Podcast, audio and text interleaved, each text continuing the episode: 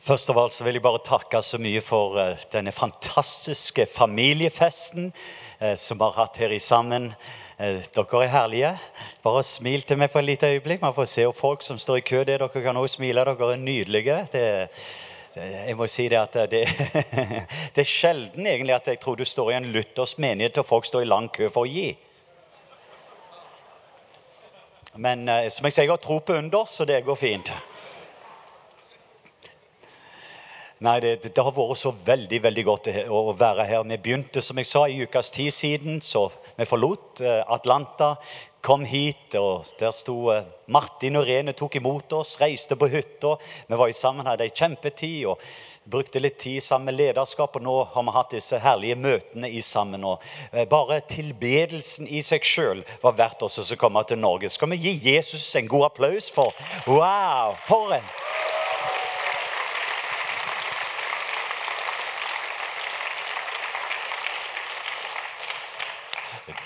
I kveld skal jeg gjøre noe som jeg pleier ikke vanligvis å gjøre. Eh, jeg, mange ganger kan jeg tale elleve forskjellige taler samtidig, men i kveld skal jeg prøve egentlig å få ta noen ting, bare for jeg skal gi oss noen ting som på en eller annen måte Når du tar dette med deg Det er litt av min tanke. Eh, da vil du egentlig det jeg vil kalle, du vil ha minnestunder. Noe som du kan ta med deg når du reiser hjem, og du kan bruke dette. Noen av de nøklene Når jeg har folk som stiller spørsmål, så spør de egentlig Leif, hva er det egentlig som gjør at du kan fortsette å være i brann uten å brenne ut? Det er et av de store spørsmålene. Er ikke det et godt spørsmål? Et av de store spørsmålene jeg har hørt her. Hvordan går det an å reise 245 dager? Reise 250 000 miles, eller omtrent 400 000 km i året. Komme hjem og holde på med alt det du holder på med. Så Det er det ene tingen du vil få svar på i kveld. Hva er det egentlig gjør egentlig hvordan du kan få holde tråden oppe med alle disse, vi skal si med all vantro som er rundt deg? Hvordan kan du gå inn i de mørkeste områdene i verden? Hva er det egentlig som motiverer deg? det er mange av de spørsmålene som jeg har fått siden jeg kom hit. Og jeg vil gi dere noen nøkler som skal bare være med og hjelpe dere. Og det er veldig viktig for min del. Ting som jeg vet fungerer for hver enkelt av oss, så ikke dere tror det egentlig at wow, det er noe spesielt med Leif Hetland. Du må huske på at det er noe spesielt med meg, men det er også noe veldig spesielt med deg. Og Det er veldig viktig at du finner ut hva som er så spesielt med deg. Så noe av det første Jeg vil bare dele, jeg skal bruke ca. fire-fem minutter på hver av disse punktene. Men den første delen jeg vil dele, noe av nøklene mine, det er egentlig at jeg reiser med noe overalt som heter minnesteiner. Noen av dere har hørt meg tale om minnesteiner. For et eksempel, Jeg har denne pennen med meg. Det har ingen betydning i seg sjøl. Jeg bruker ikke pennen. Det er en sånn Mont Blanc-penn. Hvis jeg åpner den opp, så er det et forretningskort. Og så er det egentlig en general i den pakistanske hær som ga dette, denne pennen til meg. Så kan du si hvordan skjedde det? Og Da begynner jeg å snakke litt, og vi lærte noe om det som har med en himmelsk lekkasje å gjøre. Hørte ikke det rart ut? Men jeg skal fortelle hva det var. Vi var inne på en gullsmedsbutikk. Og jeg hadde fått ei fin klokke av en leder og skulle fikse klokka. Og så plutselig så bestemte jeg jeg vil forlate denne gullsmedsbutikken, for de guttene som jobba bak disken, de var ikke så veldig vennlige. Og Det var en tid der akkurat i Lahore der de var ikke så veldig begeistra spesielt for USA. Og det var ingen som ville spurt meg om passet mitt, hvilket land jeg var ifra. Så jeg bare merka at atmosfæren var veldig stygg, og så bestemte jeg meg egentlig ta risikoen og komme meg tilbake neste dag. Og så når jeg kom egentlig på ettermiddagen rundt i totiden eller halv tre-tiden og skulle hente denne klokka mi, så plutselig så kommer det en og tar meg i armen så sier du at sjefen han ønsker å se deg. Så tenkte jeg har jeg problemer nå? De tok meg bak i bakgrunnen. Når jeg kom inn i et bakrom, så var det et fint, flott kontor. Jeg kan se det akkurat nå. Og der på veggen så var det bilder av presidentene, det var bilder av mange andre. Sammen med denne karen så sa han nå må du fortelle meg hva var det som skjedde i butikken min. Så tenkte jeg hva var det som skjedde? Ja, jeg, jeg, var bak her, og så plutselig så skjedde det noe. Noe kom inn her. Så gikk jeg til guttene mine. Og så fortalte de egentlig at du hadde vært her inne. Hva var det du egentlig la igjen i butikken? Så tenkte jeg de får. Jeg tenkte ikke egentlig Det var ikke meninga å ha lekkasje. Jeg sa det ikke, men jeg tenkte på det fordi jeg visste med en gang at Guds rike har dette med glede og fred. Det har med glede og fred. Så det var en fred. Jeg visste ikke om det, men når han begynte å beskrive følelsene han hadde, så visste jeg egentlig at uten å være på et helt annet rom, så var det en lekkasje som forandra atmosfæren. Han sitter på et helt annet rom. Og så sitter vi i to timer.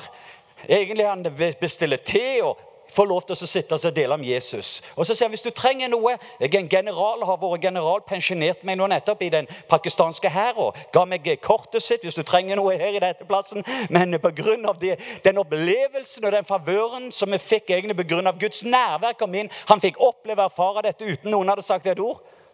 Så da bærer jeg denne på meg. Så hvis jeg er på en plass, om jeg er på et hotellrom, når jeg reiser rundt omkring, så har jeg denne pennen med meg i bagen. Hver gang bare for å minne meg på det som Gud har gjort. Vite at uansett hvor mørkt det er, så går det an egentlig også å forandre en atmosfære pga. den atmosfæren man bærer med. Jeg vet ikke om du ser poenget. Det heter en minnestein. Jeg håper det at alle, og det vil jeg gjøre En av minnesteinene for denne helga for meg det er egentlig at jeg skal få denne CD-en. For det jeg kan gjøre, jeg kan være tilbake i denne atmosfæren når jeg lytter på CD-en. Og når jeg hører på noen av de sangene, så er det ikke bare det at jeg hører på de sangene, men jeg er tilbake i Stavanger. Jeg vet ikke om du får det med deg, At du får atmosfæren, minnesteinene, det det sa til israelittene. Automatisk det øyeblikket de glemte det Gud hadde gjort. Når du glemte det Gud hadde gjort. Når man glemmer, så plutselig så mista de det. Og så kom fienden inn, og så begynte alle disse problemene. Så det så de fikk egentlig bygd minnesteiner, sa de. Ta dine barn, ta dine barnebarn, gå tilbake og fortell dem det som Gud har gjort. Og så Det de skulle gjøre, det egentlig komme seg inn i en kultur der alle begynte egentlig å snakke om det Gud hadde gjort. Så jeg bærer med meg en haug med bilder. Jeg har PC-en min full av videoer. Så plutselig, hvis jeg møter noen som det var for Jeg spurte noen hvis de kom inn og de er lamme, så går jeg og så ser Hvem er det som har vært lamme i det siste? Er det, en med en liten gutt som jeg så nå nettopp, som er fem år gammel, som gikk for første gang med cerebral parese?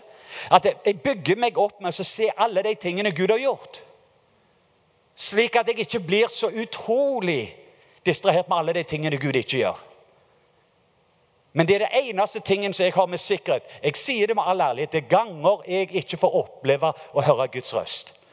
Det er ganger jeg er på et rom alene du er trøtte, du er sliten, du er ensomme, og du får ikke egentlig se hans ansikt. Du føler ingenting, du hører ikke, du ser ikke, og du lurer på hvordan du skal. Men noen ingen kan ta ifra meg, det er at jeg har alle disse minnesteinene. Og Da begynner jeg å gå gjennom minnesteinene, og så begynner jeg å se det er bilde av en engel som kom ned. Med selve bildet, ikke bare, men engelen kom ned, og så står vi peker med fingeren. Og jeg sto med ei dame i Cuba som hadde sittet i rullestol i 25 år. Og når engelen kom ned der, så plutselig sto opp, og så begynte vi å danse det.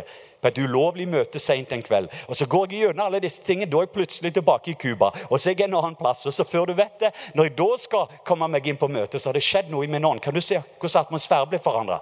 Det er dette prinsippet. Med en gang vi begynner å glemme. Og Derfor vil jeg oppmuntre deg hvis du går på kontoret mitt så vil jeg oppmuntre deg å fylle på noe på kontoret. Jeg har det på veggene. Til og med det som jeg bærer på meg, er minnesteiner.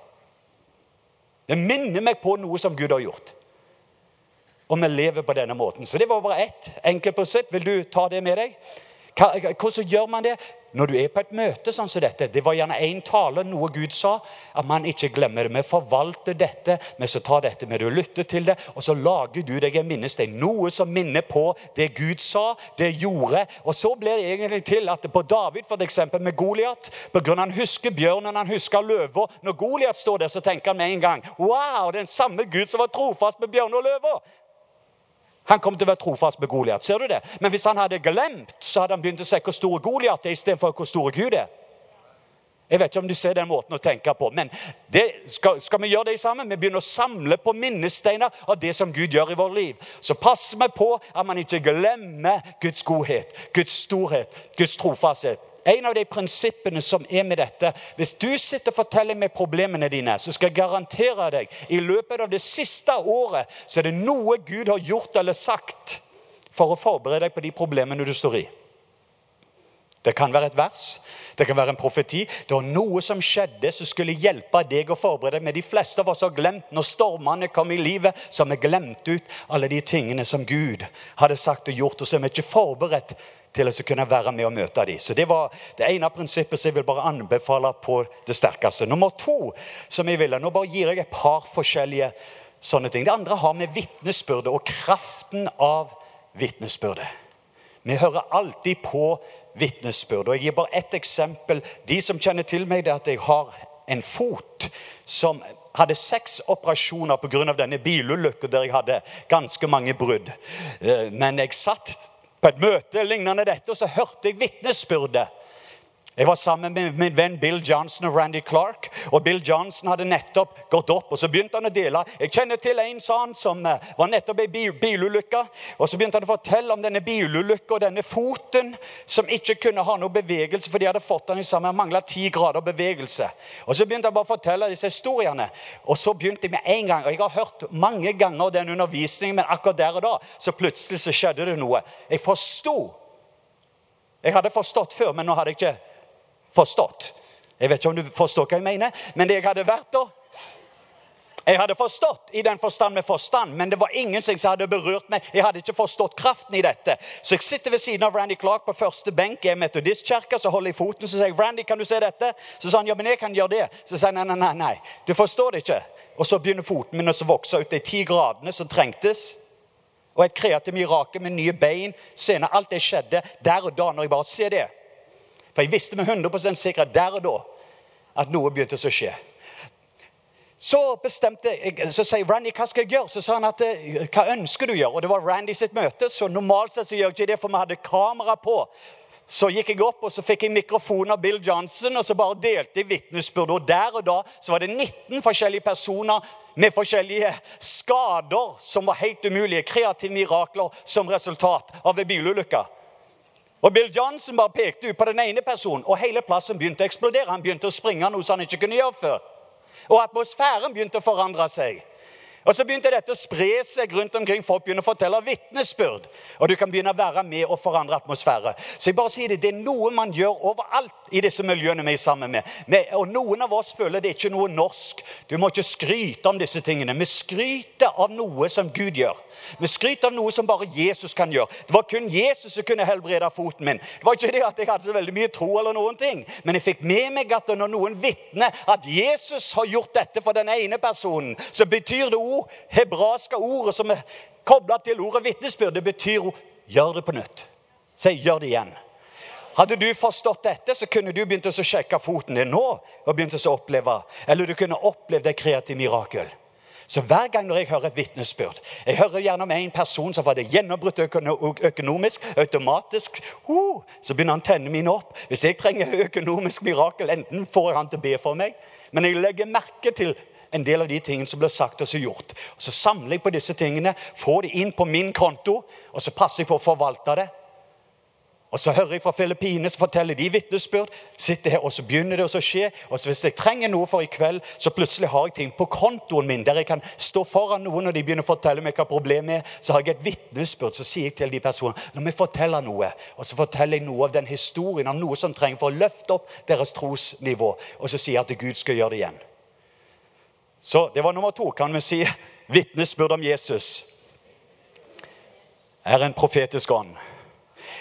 Og jeg vet at Det er et sånn Betel-prinsipp som du vil finne i den kulturen. Men jeg vil bare at du skal vite hvordan fungerer dette. Det er ikke så veldig vanskelig, men når noen går og begynner å vitne om Jesus, så sprer det seg noe i atmosfæren. Det skaper noe i atmosfæren som betyr at Gud ønsker å gjøre det på nytt. Og Jeg oppmuntrer dere på det varmeste. Ikke ha den norske måten å tenke på når folk begynner å fortelle det Jesus har gjort. Og så skal jeg si det, men hvem er det han som tror som er noe? Det er ikke det. det er Når folk begynner å vitne om det Jesus gjør Alle de personene i formiddag som jeg snakket om i Bibelen, denne kvinnen med blødninger, Bartimeus Og du kan fortsette. Så bare se. Noen må ha fortalt dem om Jesus. Hvordan visste de hvordan de skulle finne Jesus? Hvordan visste de hvem Jesus var? Hvordan visste du? For det begynner å spre seg rundt omkring Og det skaper atmosfæreforandring. Så jeg vil bare gi dere det. La oss begynne egentlig å finne alle de tingene. Ikke bli så sier ja, men det var bare en hodepine. Nei, hodepinen kan være nøkkel. Hvis det er din hodepine, så kan det være et kreativt mirakel. Da er det ikke bare en liten hodepine. Jeg hadde en venn av meg som hadde store tå nå. Jeg tenkte det var ikke noe. Men hadde det vært min store tå, så hadde det vært en stor ting. Når jeg skulle be for store tårene. Så jeg bare sier det. Ikke la disse små tingene Hør godt dette. Små er det nye store i Guds rike. La meg si det en gang til. Jeg sier at det små er det nye store i Guds rike. Begynn å legge merke til de små tingene Gud gjør. Når du begynner å legge merke til de små tingene, så begynner du egentlig å sette deg opp at Gud setter deg opp for større ting. Men ikke se det var bare en liten hodepine. Den lille hodepilen kan være den lille tingen som begynner å skje. For å skape noe i atmosfæren, som jeg sa med hun René i rullestolen. Det var bare to centimeter før det kreative miraklet skjedde i en 1 time og 45 minutt prosess. Hadde jeg bare fokusert på de to centimeterne som skjedde til slutt, så hadde vi ikke sett resten. Jeg hadde gjerne ikke tro for henne å stå opp, men jeg hadde tro for to centimeter. Da gikk jeg for det. Se til de små tingene som Gud gjør.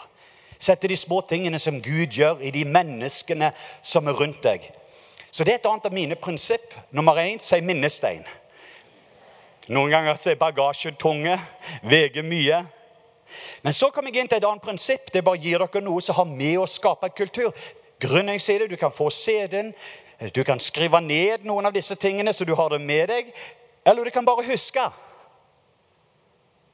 For glemmer du, så må du bare gjøre det på nytt. Og nytt og nytt. Disiplene gikk i båten igjen. Og grunnen de gikk båten igjen, var for første gang de gikk i båten, så lærte de ikke noe. Og noen av oss har gått i båten igjen og igjen og igjen og igjen i 40 år. Og det hadde bare trengt i 40 dager, hadde vi lært det Gud ville for oss. Et annet prinsipp og en annen ting som vi bærer med oss i vår kultur, som er nødvendige. Vi lever i en, en, en kultur av sjenerøsitet der med. Men vi liker veldig glad. Og det man gjør i vår kultursammenheng jeg må være at du skal vite, Det er ikke det at jeg bærer på så veldig mye, men jeg har en evne til å legge merke til for eksempel forskjellige personer til og med i dette rommet som bærer på noe. Jeg ser Den hellige ånd over noen personer.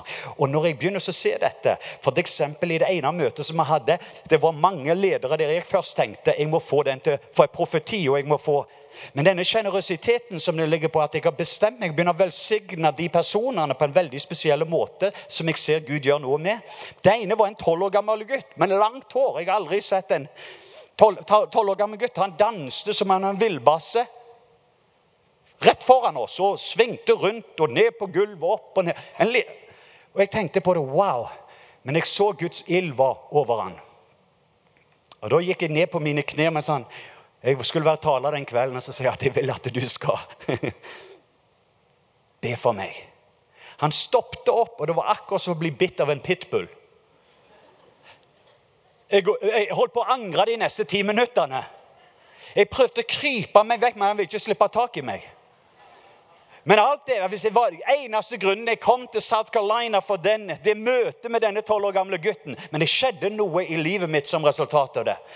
Men det jeg skulle si det, at jeg begynte der egentlig å se og sjenerøsiteten jeg, jeg gir gaver, jeg gjør forskjellig. Jeg gir inn til en del av de salvelsene som jeg ønsker å ha tak i. Det er ikke der vi kjøper noe fra Gud. Jeg bare ærer noen av de tingene. Jeg gir en gutt en bok, eller jeg gjør noen ting. Jeg gjør en sjenerøs handling mange ganger fordi at jeg ærer og hedrer, og min kjærlighetsgave det å gi.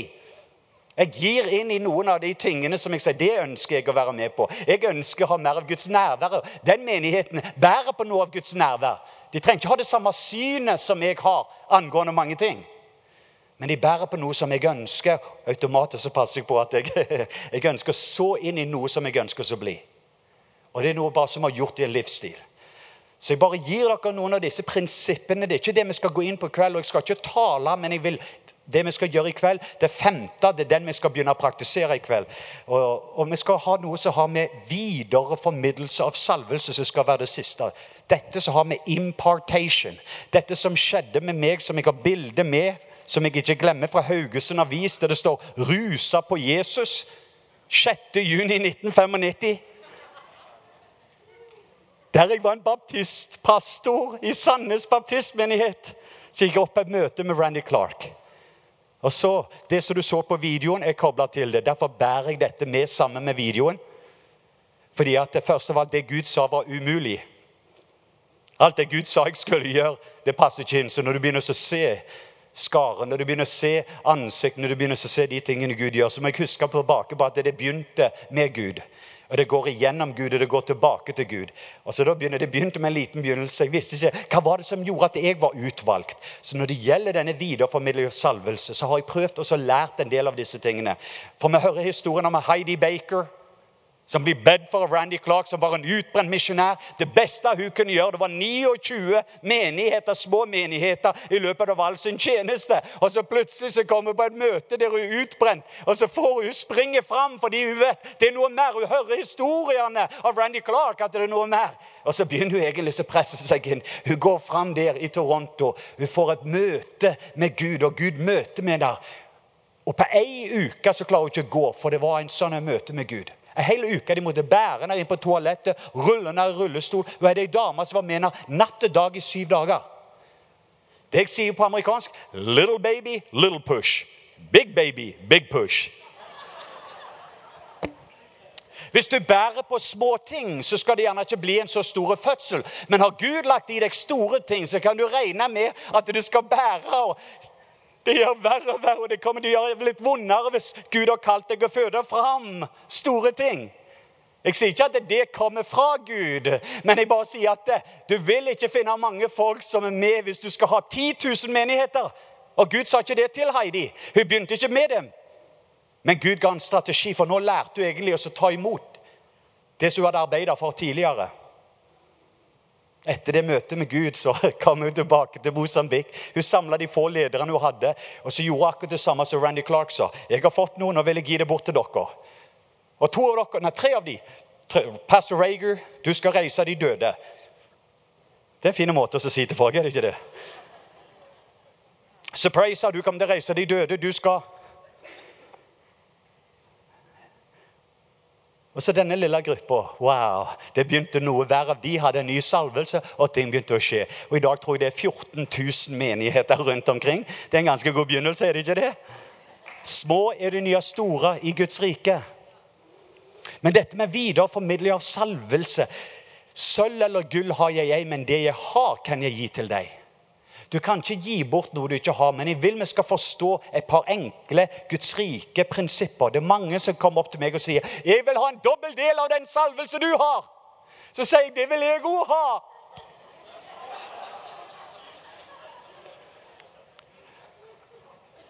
Andre kommer opp og sier 'Men jeg ønsker å gjøre det du gjør'. Så sier jeg 'Jeg ønsker du gjør det jeg har gjort'. Ønsker du å Gi kona et kyss og så si adjø. Og du vet at du aldri kommer til å komme tilbake igjen, eller barna dine.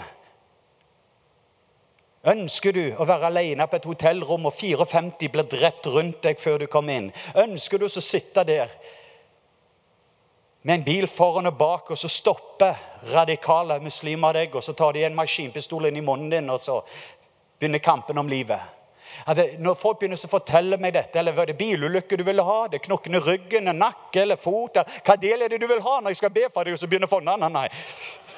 Å, langt borte fra meg, du! Jeg vil ikke ha det du har. Jeg ønsker ikke å gjøre det du gjør. Jeg bare sier det at mange ganger vi ikke ser og Derfor er Heidi Baker en av mine venner som er en av disse heltene mine.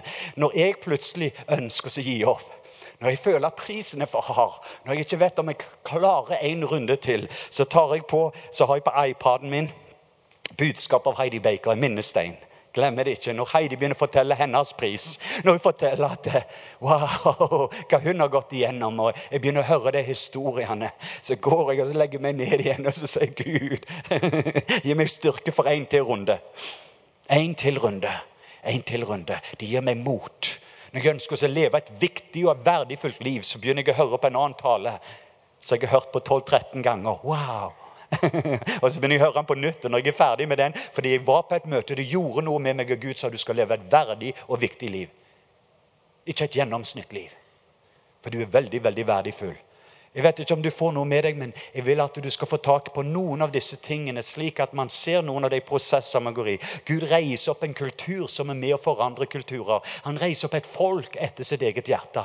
Men jeg tror det er en viktighetsgrad å forstå når det er en videreformidlelse av salvelse. For eksempel Randy Clark. Jeg tror du var på det møtet. Var du ikke det, Martin?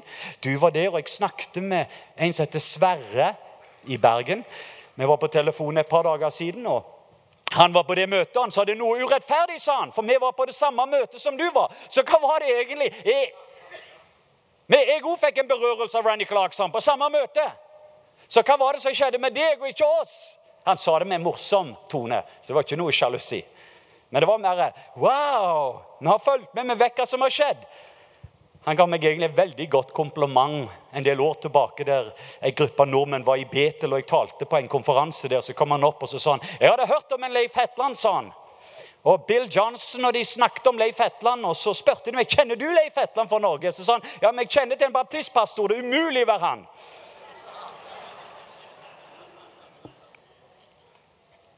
Jeg syns det var et veldig godt kompliment. Men det folk gjerne ikke vet fra det møtet, så jeg sa til Sverre vil du rett etterpå nakken, og så begynte jeg å fortelle litt av det løpet som jeg har gått i.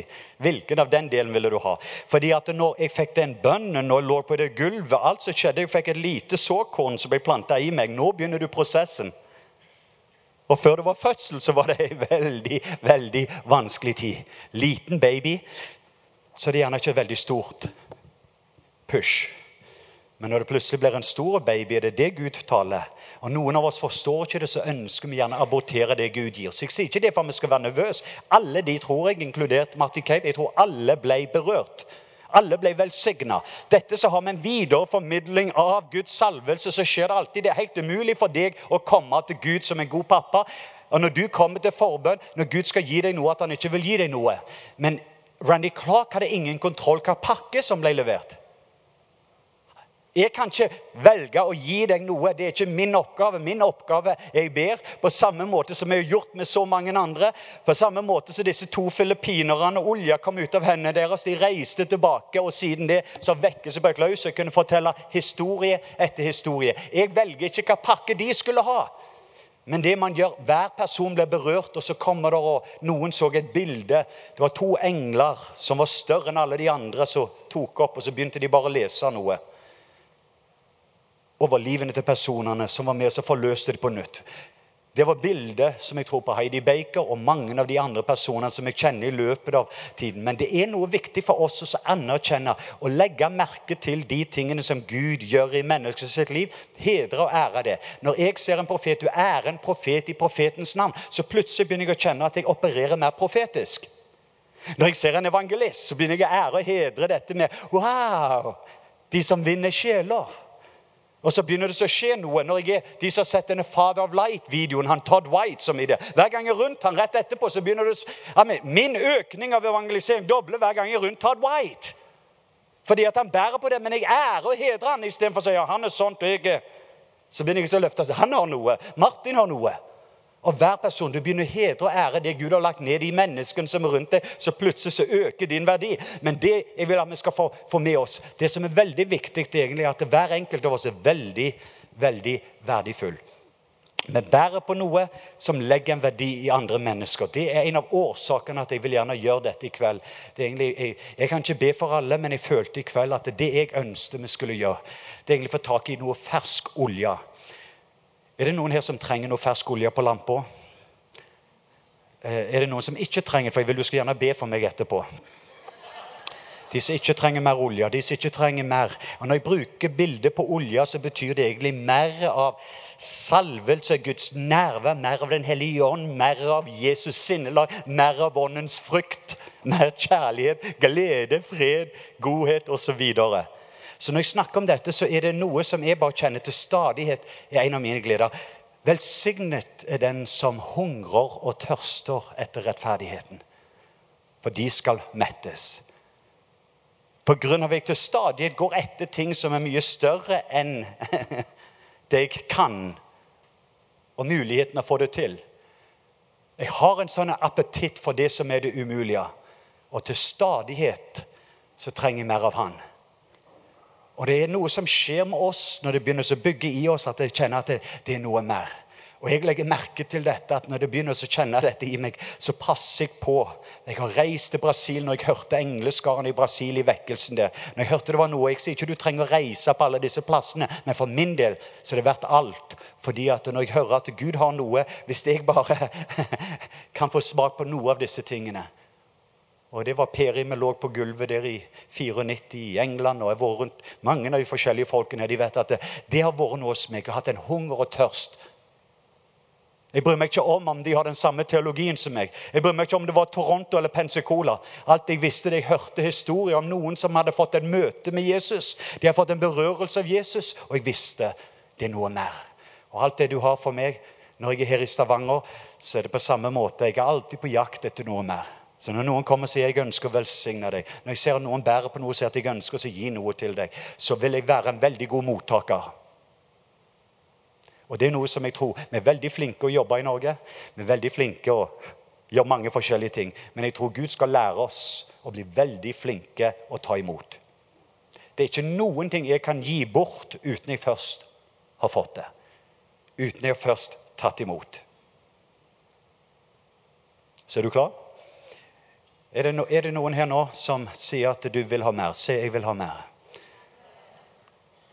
Du er ei vis jomfru. Det var ti. Fem av de var vise. Fem var uviselige. De som er vise, de har olje på lampa, slik at vi kan være brennende uten å være utbrent. Jeg vet hvordan det føles når du brenner kjøtt. Det lukter ikke veldig godt. Og det ser ikke så veldig godt ut. Men når vi har olje, når vi har salve som har Guds nerver, når vi brenner noe som kom fra Gud, så vil du fortsette som Moses med den brennende busk. Du vil fortsette å brenne uten å bli utbrent. Så jeg bare kjenner det at eh, jeg er veldig takknemlig for det Gud gjør i vårt land. Men noe av det jeg har tro på, det er egentlig at det i dette at du skal få en ny berøring av Guds kjærlighet. Du skal få en ny berøring av Guds kraft. Du skal få en berøring av Guds nærvær på en måte. Men det viktigste vi skal lære i denne perioden, det er ikke egentlig at vi fyller opp til en tiendedel av tanken, kanskje en kvart tank, og så i neste runde så håper vi det skal holde til neste konferanse eller møte. Men vi begynner egentlig å gå på en plass alene med den som vi elsker. Derfor jeg må si høydepunkt å komme her klokka seks og være, ligge på det gulvet der og bare kjenne at det er olje som bare flyter. Være i Guds nerve med andre personer som drikker sammen med deg. Smak og se at Herren er god. Jeg må si at Det er jo et sånn et privilegium. Og så bare være der inne. Være her og være innenfor en lovsang, en tilbedelsesatmosfære, og bare kjenne at noe skjer med oss pga. den som er sammen med, den er den man blir lik. Wow, for et privilegium. Kan vi reise oss opp og så finne hvile? Dere er veldig stille, fine folk, men jeg bare snakker og deler med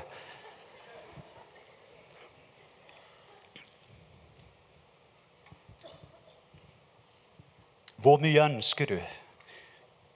Hva lengter du etter? Det verset kom veldig, veldig klart. Du fryder deg i Herren stort, og så skal han gi deg det ditt hjerte lengter etter. Din oppgave fry deg i Herren stort. Så sier han, 'Jeg skal gi deg det ditt hjerte lengter etter'. Hva lengter du etter? Din oppgave Og han sier nå nå er det min oppgave. Hva er det du lengter etter? Hva lengter du etter? Bare begynn å tenke på det. Hva lengter du? Hva vil du Gud skal gjøre for deg? Ja, jeg vil ha mer av Han. Veldig bra. Men begynn å bli enda mer konkret. Jo, jeg vil se mennesker frelst. ok? Kanskje er det et alfakurs da som du På hvilken måte bli mer konkret? Hva lengter du etter? Hva lengter du etter? Bare hold ut hendene dine, så skal vi begynne å få kjenne. oh. Pararararam, bam, bam, bam, bam. Pararararam, pam, pam, pam, bam. Pararararam, bam, bam, bam, bam. Pararararam, bam, bam. bam, bam, bam. Ba-ra-ra-ra-ram, bam, bam, bam. Ba-ra-ra-ra-ra, mm, mm, mm, mm. Ba-ra-ra-ra-ra, mm, mm. Begynner Receive my love, my love, my love. Receive my love. Whoa, whoa. Oh.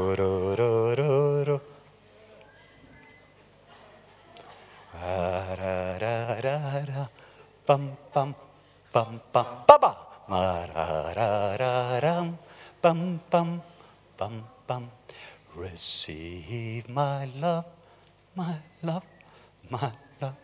Ba, ra, ra, ra, ra. Ok, la oss gå litt videre og gå inn på gleden. Receive my joy, my joy, my joy. Receive my joy, my joy. Wow, my joy.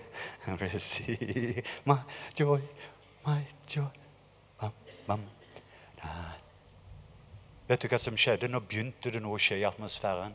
Mange av dere begynte å begynne å legge merke til det. Begynn å legge merke til det Gud gjør. Juster antennene til det. Wow! Hva var det man gjorde det? Det var bare en liten lydighet. Du føler noe, du gjør det. Det pappa sier, det sier du. Det pappa, Jeg er ikke en sanger, men wow! Men rytmen, den himmelske rytme i valsen. Len deg tilbake, ta imot. Len deg fram. Det er hvile i det. Ta imot. Bam, bam, bam, bam. Oh. Wow! Mm. Oh. Mm.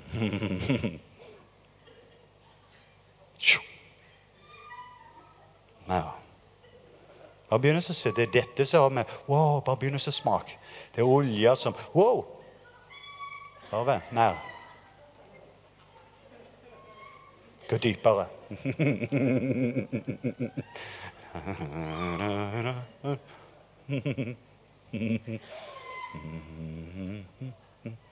Wow.